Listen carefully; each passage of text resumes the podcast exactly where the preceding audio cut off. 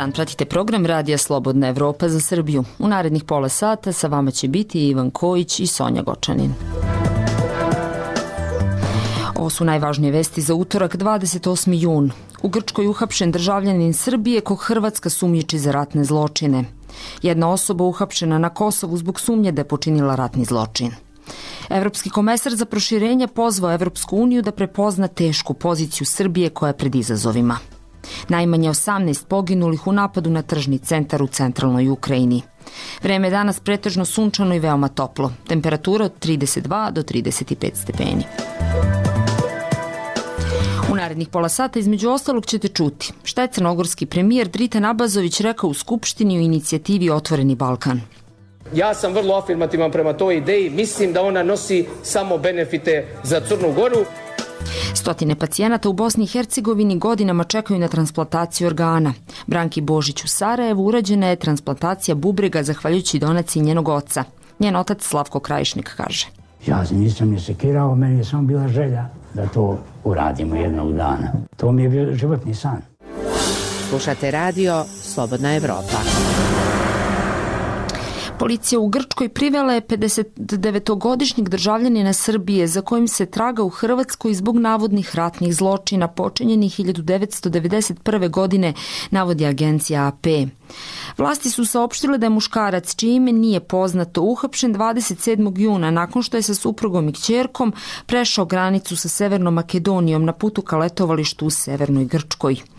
Optužen je za učešće u akcijama koje su dovele do pogibije civila 1991. godine u hrvatskim mestima Voćin i Hum. Privedeni muškarac odveden je u Solun na severu Grčke gde će izaći pred javnog tužioca.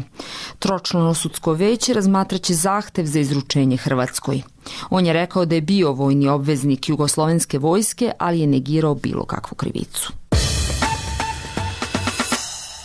Specijalno tužilaštvo Kosova je saopštilo da je jedna osoba pod inicijalima MD uhapšena juče u selu Vitomirica kod Peći zbog sumnje da je počinila ratni zločin protiv civilnog stanovništva.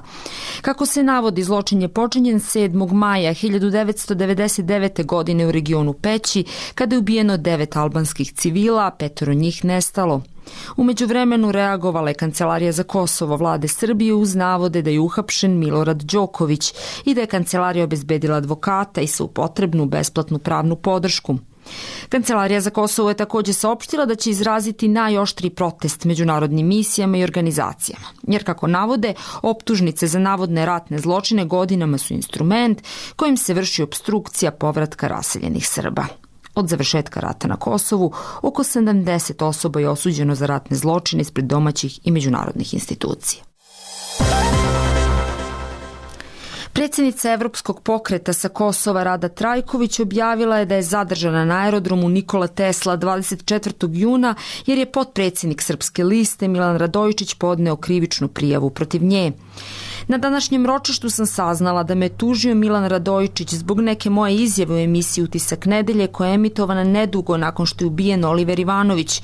Tužio me je zbog povrede ugleda i časti jer sam ga tada povezala sa ubistvom Ivanovića, rekla je Trajković za Radio Slobodna Evropa.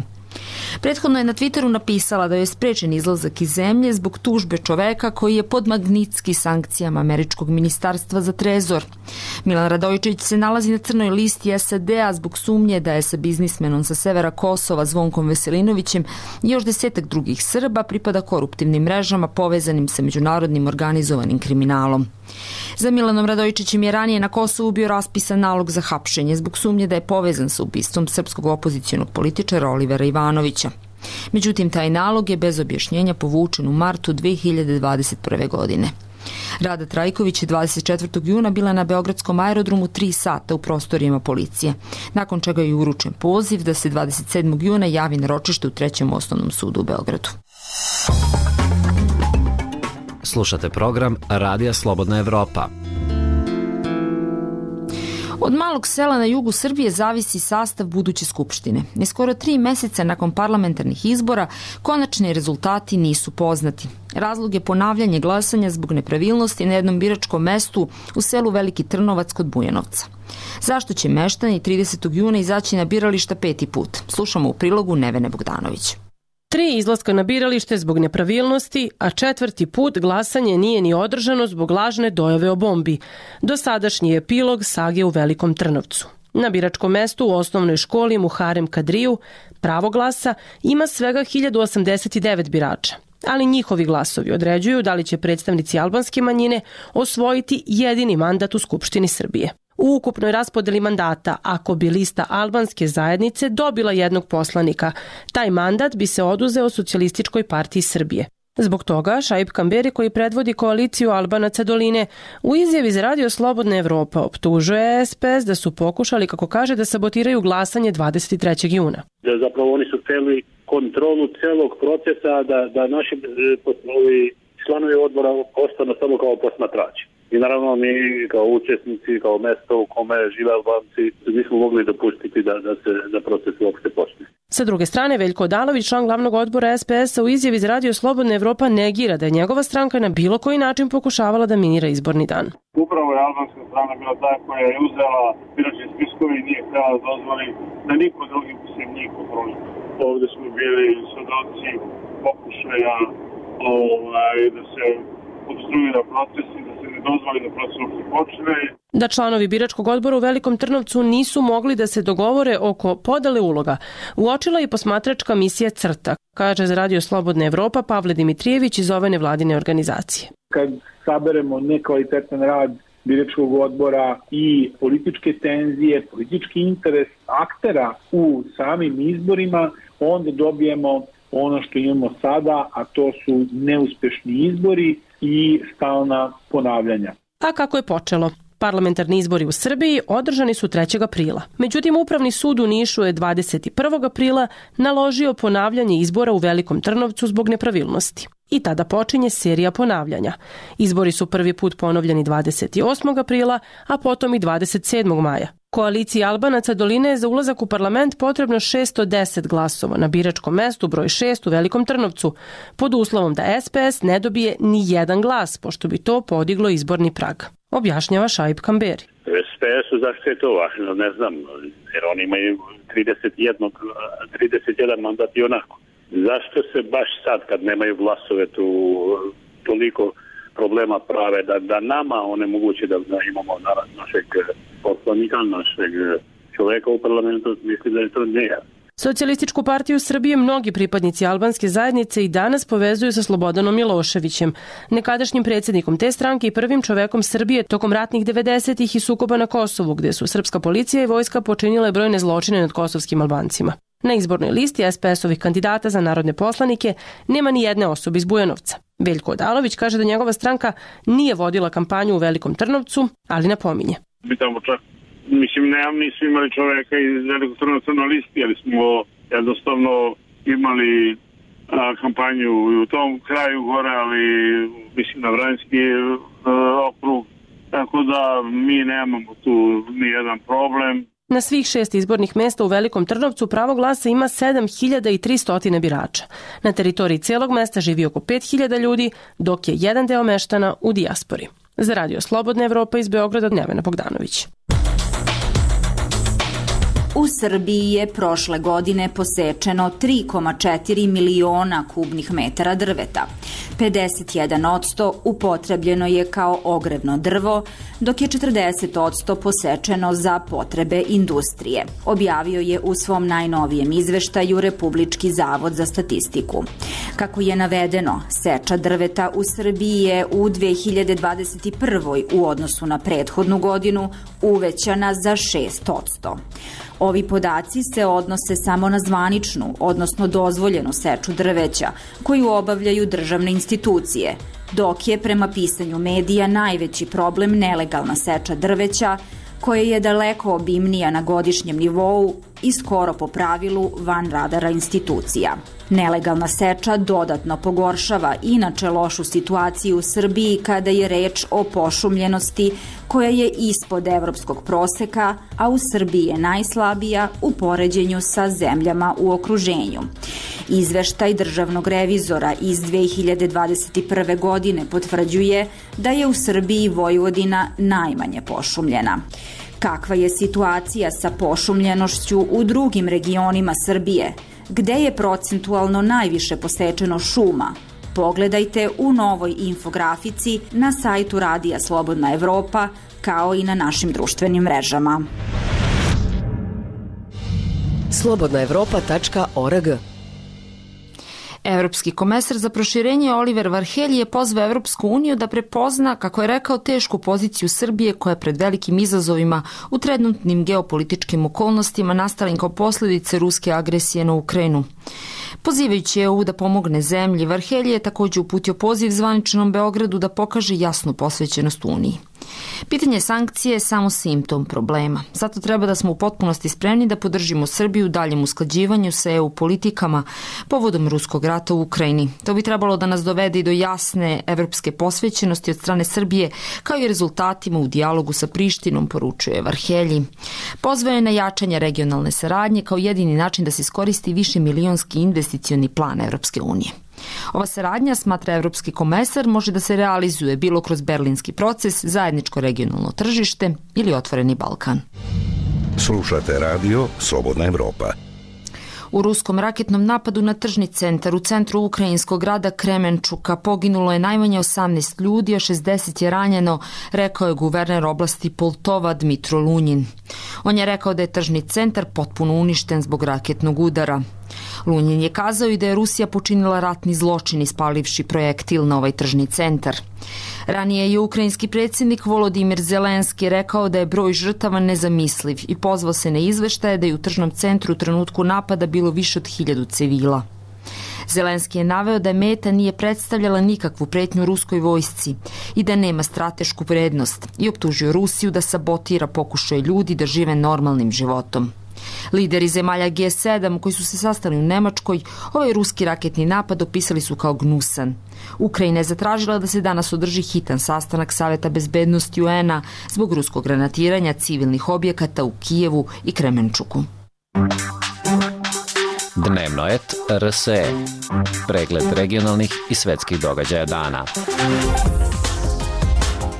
Mračna figura koja stoji iza QAnon teorija zavere koje su prošle godine podstakle nemire u Vašingtonu i upad u Kongres Sjedinjenih država oglasila se na internetu prvi put posle više od godinu dana. Novi postovi povezani s inspiratorom teorija zavere o kabali pedofila satanista koji upravljaju seks trafikingom dece podstakli su spekulacije o vremenu povratka koje se poklopilo s presudom Vrhovnog suda SAD o abortusu, pišu svetski mediji. Osoba poznata na internet forumima kao Q i koja je inspirisala QAnon teorije zavere oglasila se prvi put posle više od 18 meseci 24. juna, ističe Newsweek. Hoćemo li još jednu igru navedenoj u postu koju je potpisao Q, posle čega je usledilo podjednako kriptična poruka da li ste spremni da ponovo služite svojoj zemlji, setite se svoje zakletve. Na pitanje jednog korisnika zašto je napravljena velika pauza u postovima, Q je odgovorio moralo je da bude ovako. Postovima 25. juna vratila se mračna figura koja stoji iza QAnon teorija zavere o globalnom lancu trgovine decom i koji je bio pokretačka snaga pobune na Capitol Hillu 6. januara 2021. ukazuje Times. Pokret QAnon počeo je krajem 2017. anonimnim objavama na desničarskim internet forumima gde je brzo privukao pažnju velikog broja Trumpovih pristalica. Postovi na forumima bili su koncentrisani oko poziva da se slasti izbaci navodna elitna kabala kanibalističkih trgovaca ljudima. Pristalice te teorije zavere verovali su da je Q imao ulogu u Trumpovoj administraciji ili vojsci i da je radio s Trumpom na krivičnom gonjenju ljudi koji zlostavljaju decu, ali i članova demokratske partije, ukazuje Times, navodeći da se čini da je pokret kulminirao neredima na Kapitolu 6. januara prošle godine, kada su mnogi od izgrednika nosili zastave i majice QAnona. Q je prestao da se oglašava na forumima ubrzo posle Trumpovog poraza na predsjedničkim izborima 2020. dok je, kako piše londonski list, polaganje predsjedničke zakletve Joe Bidena u velikoj meri diskreditovalo mnoga Q-ova predviđanja, od kojih je većina govorila o vojnim sudovima i javnim pogubljenjima demokrata. Nove objave koje je potpisao Q iznenadili su istraživače dezinformacije i nagovestile zlokobni povratak ličnosti, čiji su teorije zavere o imaginarnom lancu elitnog seks trafinginga obezbedile podršku Trumpu, piše New York Times. Objava prvih Q-ovih postova posle više od godinu dana ćutanja zapalila internet forume i telegram kanale posvećene QAnonu, dok su sledbenici pokreta spekulisali o značenju povratka. Posle Bajdenovog polaganja zakletve, kada je delovalo da se ni jedno od Q-ovih najfantastičnijih i najjezivijih predviđanja o javnim pogubljenjima demokrata neće ostvariti, QAnon zajednica se utišala, ali se činilo da se prošle nedelje ponovo uskomešala s nizom presuda Vrhovnog suda, koje su kulminirale odlukom koje je okončano ustavno pravo na abortus. Za sledbenike QAnon, dodaje New York Times, odluka o abortusu je nagovestila preokret koji bi mogao da dovede do ostvarivanja Q-ovih predviđanja. Pregled regionalnih i svetskih događaja dana potražite na dnevnoet RSE, Slobodna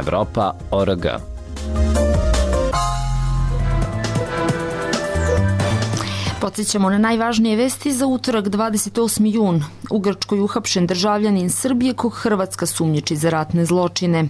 Jedna osoba uhapšena na Kosovu zbog sumnje da je počinila ratni zločin. Evropski komesar za proširenje pozvao Evropsku uniju da prepozna tešku poziciju Srbije koja je pred izazovima.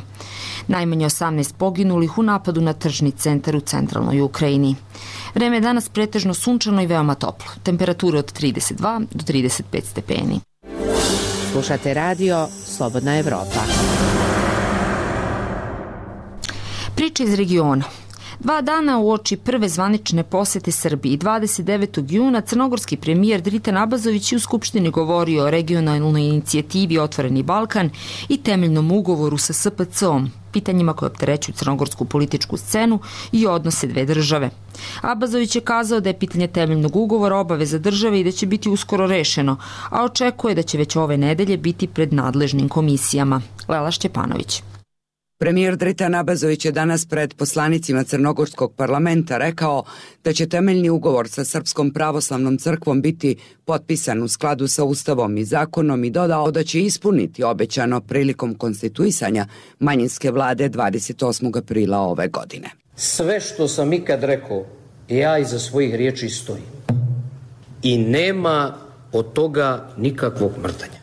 Tako je Abazović odgovorio na pitanja šefa kluba poslanika prosrpskog i proruskog demokratskog fronta Slavena Radunovića, koji je pitao premijera da li i dalje važi njegovo obećanje da će vlada u najskorije vrijeme potpisati temeljni ugovor sa SPC, organizovati popis u ovoj godini i najozbiljnije razmotriti Savjet Sjedinjenih američkih država i Evropske unije da se Crna Gora uključi u otvoreni Balkan – Radunović je još pitao Abazovića. Da li ste spremni da rizikujete pad vlade nakon tih odluka? Ovo pitam obzirom da iz nekih partija koje čine vašu vladu ili je podržavaju u parlamentu, čuju se potpuno otvorena protivljenja ovim vašim obećanjima. Premijer je govoreći oko eventualnog neslaganja sa potpisom na temeljni ugovor sa Srpskom pravoslavnom crkvom, partija koje konstituišu vladu ili Demokratske partije socijalista Mila Đukonovića koja vladi obezbeđuje podršku u Skupštini, rekao. Da li neko želi da ruši vladu oko toga? To isto nije moj problem. To nije isto moj problem. Ja ću dok budem na mjestu premijera isključivo da se bavim državnim pitanjima. Ni moj građanski pokret ura me ne interesuje. I tamo ima disonantnih tonova. Interesuje me samo država Crna Gora. Hoće li vlada trajati dva dana, tri dana, mjesec dana, godinu dana, pet dana? Ne znam. Neko odluči državni parlament. Kada je riječ o inicijativi Otvoreni Balkan, Abazović je rekao da se Crnoj Gori nigdje ne žuri, ali je dodao da je njegov lični stav da su regionalne inicijative u interesu Crne Gore. Podsjetimo, članstvu Crne Gore u Otvorenom Balkanu se protive Socijaldemokratska partija i Bošnjačka stranka koje konstituišu vladu, a protiv je i DPS koja vladi obezbjeđuje podršku u Skupštini. Abazovi se u odgovoru Slavenu Radunoviću iz Demokratskog fronta osvrnuo i na činjenicu da ovu inicijativu koju podržavaju Sjedinjene američke države u Crnoj Gori podržava Demokratski front, koji, kako je rekao premijer, kvalifikuju kao proruski pošto vam se spočitava ta proruska nota, da je američka administracija apsolutno za to. I sad, pošto se u Crnoj Gori sve poremetilo, sad ovi što su bili hiperamerički nastrojeni, oni više nisu. A ovi što su bili malo proruski, oni su sad proamerički. Eto, to vam je, to vam je čitava, čitava suština priča, ali u svakom slučaju, da završim, e, ja sam vrlo afirmativan prema toj ideji. Mislim da ona nosi samo benefite za Crnu Goru. Iz Podgorice, za Radio Slobodna Evropa, Lela Šćepanović. Zakon o lekovima i medicinskim sredstvima Republike Srpske stupiće na snagu danas. Potvrđeno je za Radio Slobodna Evropa iz Ministarstva zdravlja i socijalne zaštite Republike Srpske. Zakonom se predviđa osnivanje Agencije za lekove Republike Srpske, čime bi se uzurpirale nadležnosti Agencije za lekove i medicinska sredstva Bosne i Hercegovine. Ovaj potez je u suprotnosti sa Ustavom BiH, koji ne predviđa mogućnost jednostranog vraćanja nadležnosti sa države na entitet. Klub Bošnjaka u Veću naroda Republike Srpske najavio je apelaciju Ustavnom sudu BiH, a očekuje se i reakcija Kancelarije visokog predstavnika BiH koji bi mogao poništiti ovaj zakon. Gojko Veselinović. Zakon o lijekovima i medicinskim sredstvima Republike Srpske koji predviđa i osnivanje entitetske agencije za lijekove prvi je zakon kojim Republika Srpska želi prenijeti nadležnost sa BiH na ovaj entitet. Klub Bošnjaka u Vijeću naroda RS-a čeka da pomenuti zakon stupi na snagu, nakon čega će, kako kažu, preduzeti dalje korake. Alija Tabaković, podpredsjedavajući Vijeća naroda Republike Srpske iz reda bošnjačkog naroda. U krajnjem slučaju svakako da će to biti i apelacija Ustavnom sudu Bosne i Hercegovine. Tabaković posjeća i da se klub Bošnjaka obratio prošle godine Ustavnom sudu Republike Srpske za ocjenu ustavnosti nakon usvajanja ovog zakona u skupštini tog BH entiteta. Ta pravosudna institucija je odbacila apelaciju. Čitava priča oko zakona i formiranja entitetske agencije započela je u septembru prošle godine kada je Državna agencija za lijekove ukinula dozvolu tadašnjem dobavljaču kiselnika za zdravstvene ustanove u Republici Srpskoj. Razlog je bio jer ovaj dobavljač nije imao potrebne dozvole za proizvodnju i promet medicinskog kiselnika. Nakon toga uslijedilo je nekoliko krivičnih prijava tužilaštvu BiH za koje još nema informacija u kojoj su fazi. U slučaju da ne bude podnesena apelacija Ustavnom sudu BiH, u proces poništavanja zakona se može uključiti Kancelarija visokog predstavnika u BiH. To omogućavaju bonska ovlaštenja koja predviđaju da OHR može nametati ili mijenjati zakone, smjenjivati izabrane i imenovane političke i druge funkcionere. Iz Kancelarije visokog predstavnika nisu odgovorili na upit da li će poništiti zakon nakon što on stupi na snagu. OHR je i neposredno prije usvajanja zakona u Skupštini RS-a upozorio kako entitetski zakon predstavlja ozbiljno osporavanje nadležnosti Agencije za lijekove BiH. Oštre osude ovog zakona došle su i od strane SAD-a i Evropske unije. U odgovoru na upit RSE da li će i kada biti formirana Agencija za lijekove Republike Srpske iz entitetskog ministarstva zdravlja istaknuto je kako je dat određen rok za imenovanje direktora i drugih tijela agencije. U februaru je parlament RS-a usvojio zakon o dopunama zakona o republičkoj upravi kojim je omogućeno osnivanje entitetske agencije za lijekove. Zbog spornog zakona o lijekovima, ministar zdravlja i socijalne zaštite Alen Šeranić se od 6. juna nalazi na američkoj listi sankcija. Parlament Republike Srpske početkom juna odložio aktivnosti za vraćanje nadležnosti u oblasti indirektnih poreza, akciza te zakona o VSTV-u, odbrani i bezbjednosti, koji su usvojeni u zaključcima entitetskog parlamenta od 10. decembra, a koje je ranije poništio Ustavni sud BiH. Prema Ustavu BiH zakoni se mogu mijenjati isključivo u parlamentu BiH, a isto je i sa vraćanjem nadležnosti koje su svojevoljno prenijete na BiH, poput zakona o lijekovima BiH kojim je formirana Agencija za lijekove na državnom nivou. Za radio Slobodna Evropa iz Banja Luke, Gojko Veselinović. Ovo je priča o Branki Božić, koja je nakon višegodišnjih muka u Sarajevu urađena transplantacija bubrega, zahvaljujući donaciji njenog oca. Zabeležio Andi Mijoč. Nakon četiri godine dijalize, Branki Božić je transplantacija pružala nadu za novi život. Informacije o presađivanju organa tražila je u Bosni i Hercegovini i Srbiji. Taj e, problem sa koronavirusom nas je zaustavio i onda sam saznala sam, što mi je jako bilo radosno, da e, klinički centar Univerziteta Sarajevo radi transplantacije i tada sam ovaj, se javili smo se u nefrološko savjetovalište, ja i moj otac smo otišli zajedno Tako smo lijepo primljeni, prihvaćeni, e, sve smo dobili informacije potrebne vezane za transplantaciju, od same obrade e, do procesa toka operacije, čak i postoperativnog perioda. Hronični glomerulonefritis, bolest koja kontinuirano oštećuje bubrege, diagnosticiran je 2007. godine. 15 godina kasnije život joj se vratio u normalu. Branka ističe. Sve je lijepo išlo, ja sam zadovoljna. Primjenjujem ovo što su doktori dali, sve potrebnu terapiju. Također ovaj, pridržavam se i drugih putstava vezanih za pijenje tečnosti i tako ima tu više tih procedura. Ovaj, e, idem na kontrole redovne, ja se osjećam lijepo, dobro, prosto svaki dan bolj, sve bolje i bolje, dobijam snagu, tako radosna sam što sam došla svojoj porodici, svojoj djevojčici, a najviše zahvalna svome ocu što mi je dao bubreg. Bez bubrega, ali ponosan i poletan u osmoj deceniji života, Brankin otac Slavko Krajišnik 11. maj ove godine pamti kao jedan od najljepših dana u životu. Na obredi u Banja Luci, ja sam pitao i tamo ljekare, ovaj, pa da li godine utiču i to kaže, pa godine su malo presudne, ali bubreze su ti oba dva dobre. Oba dva dobro rade, ništa se ne treba sekirati.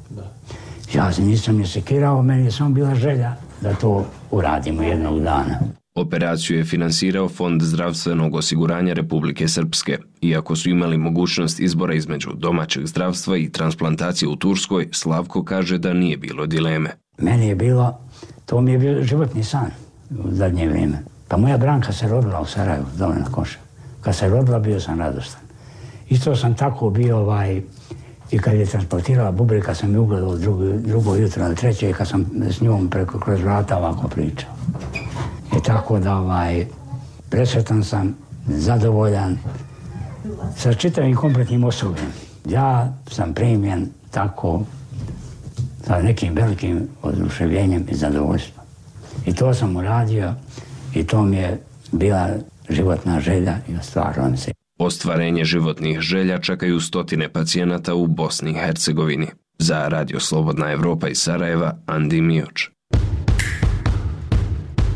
U svijetu brzine, kakofonije i površnosti jedan podcast usporava sliku. Virimo ispod površine, fokusiramo gigabajte bitnih životnih fenomena i zipujemo ih u 30 totalno ljudskih minuta. Ja sam Lilo Omeregić Čatić, ne diraj mi vodu. Ja vodu sa česme ne pijem, ja sam Nevena Bogdanović. Pekle je zvijezda, izgore se. Ja sam Predrag Tomović.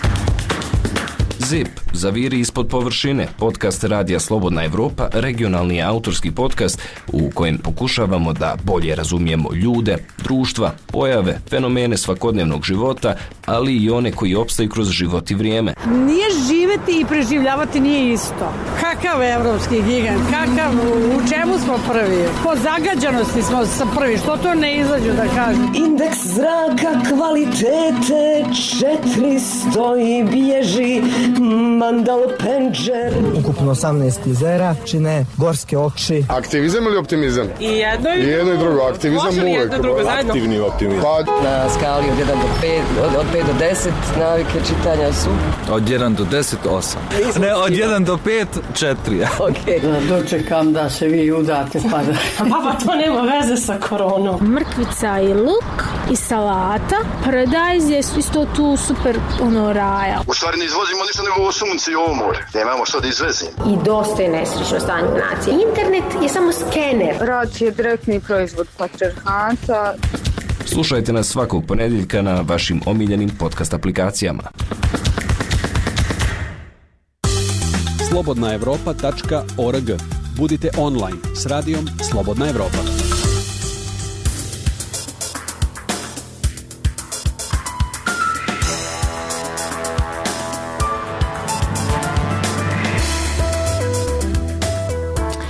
Kraj podsjećamo na najvažnije vesti za utorak 28. jun. U Grčkoj uhapšen državljanin Srbije kog Hrvatska sumnjiči za ratne zločine. Jedna osoba uhapšena na Kosovu zbog sumnje da je počinila ratni zločin. Evropski komesar za proširenje pozvao Evropsku uniju da prepozna tešku poziciju Srbije koja je pred izazovima. Najmanje 18 poginulih u napadu na tržni centar u centralnoj Ukrajini. Vreme je danas pretežno sunčano i veoma toplo. Temperatura od 32 do 35 stepeni. Bilo je to sve što smo vam pripremili u ovoj emisiji Radija Slobodna Evropa za Srbiju. Više sadržaja možete potražiti na našem sajtu slobodnaevropa.org kao i na našim zvaničnim nalozima na društvenim mrežama. U prethodnih pola sata sa vama su bili Ivan Kojić i Sonja Gočanin.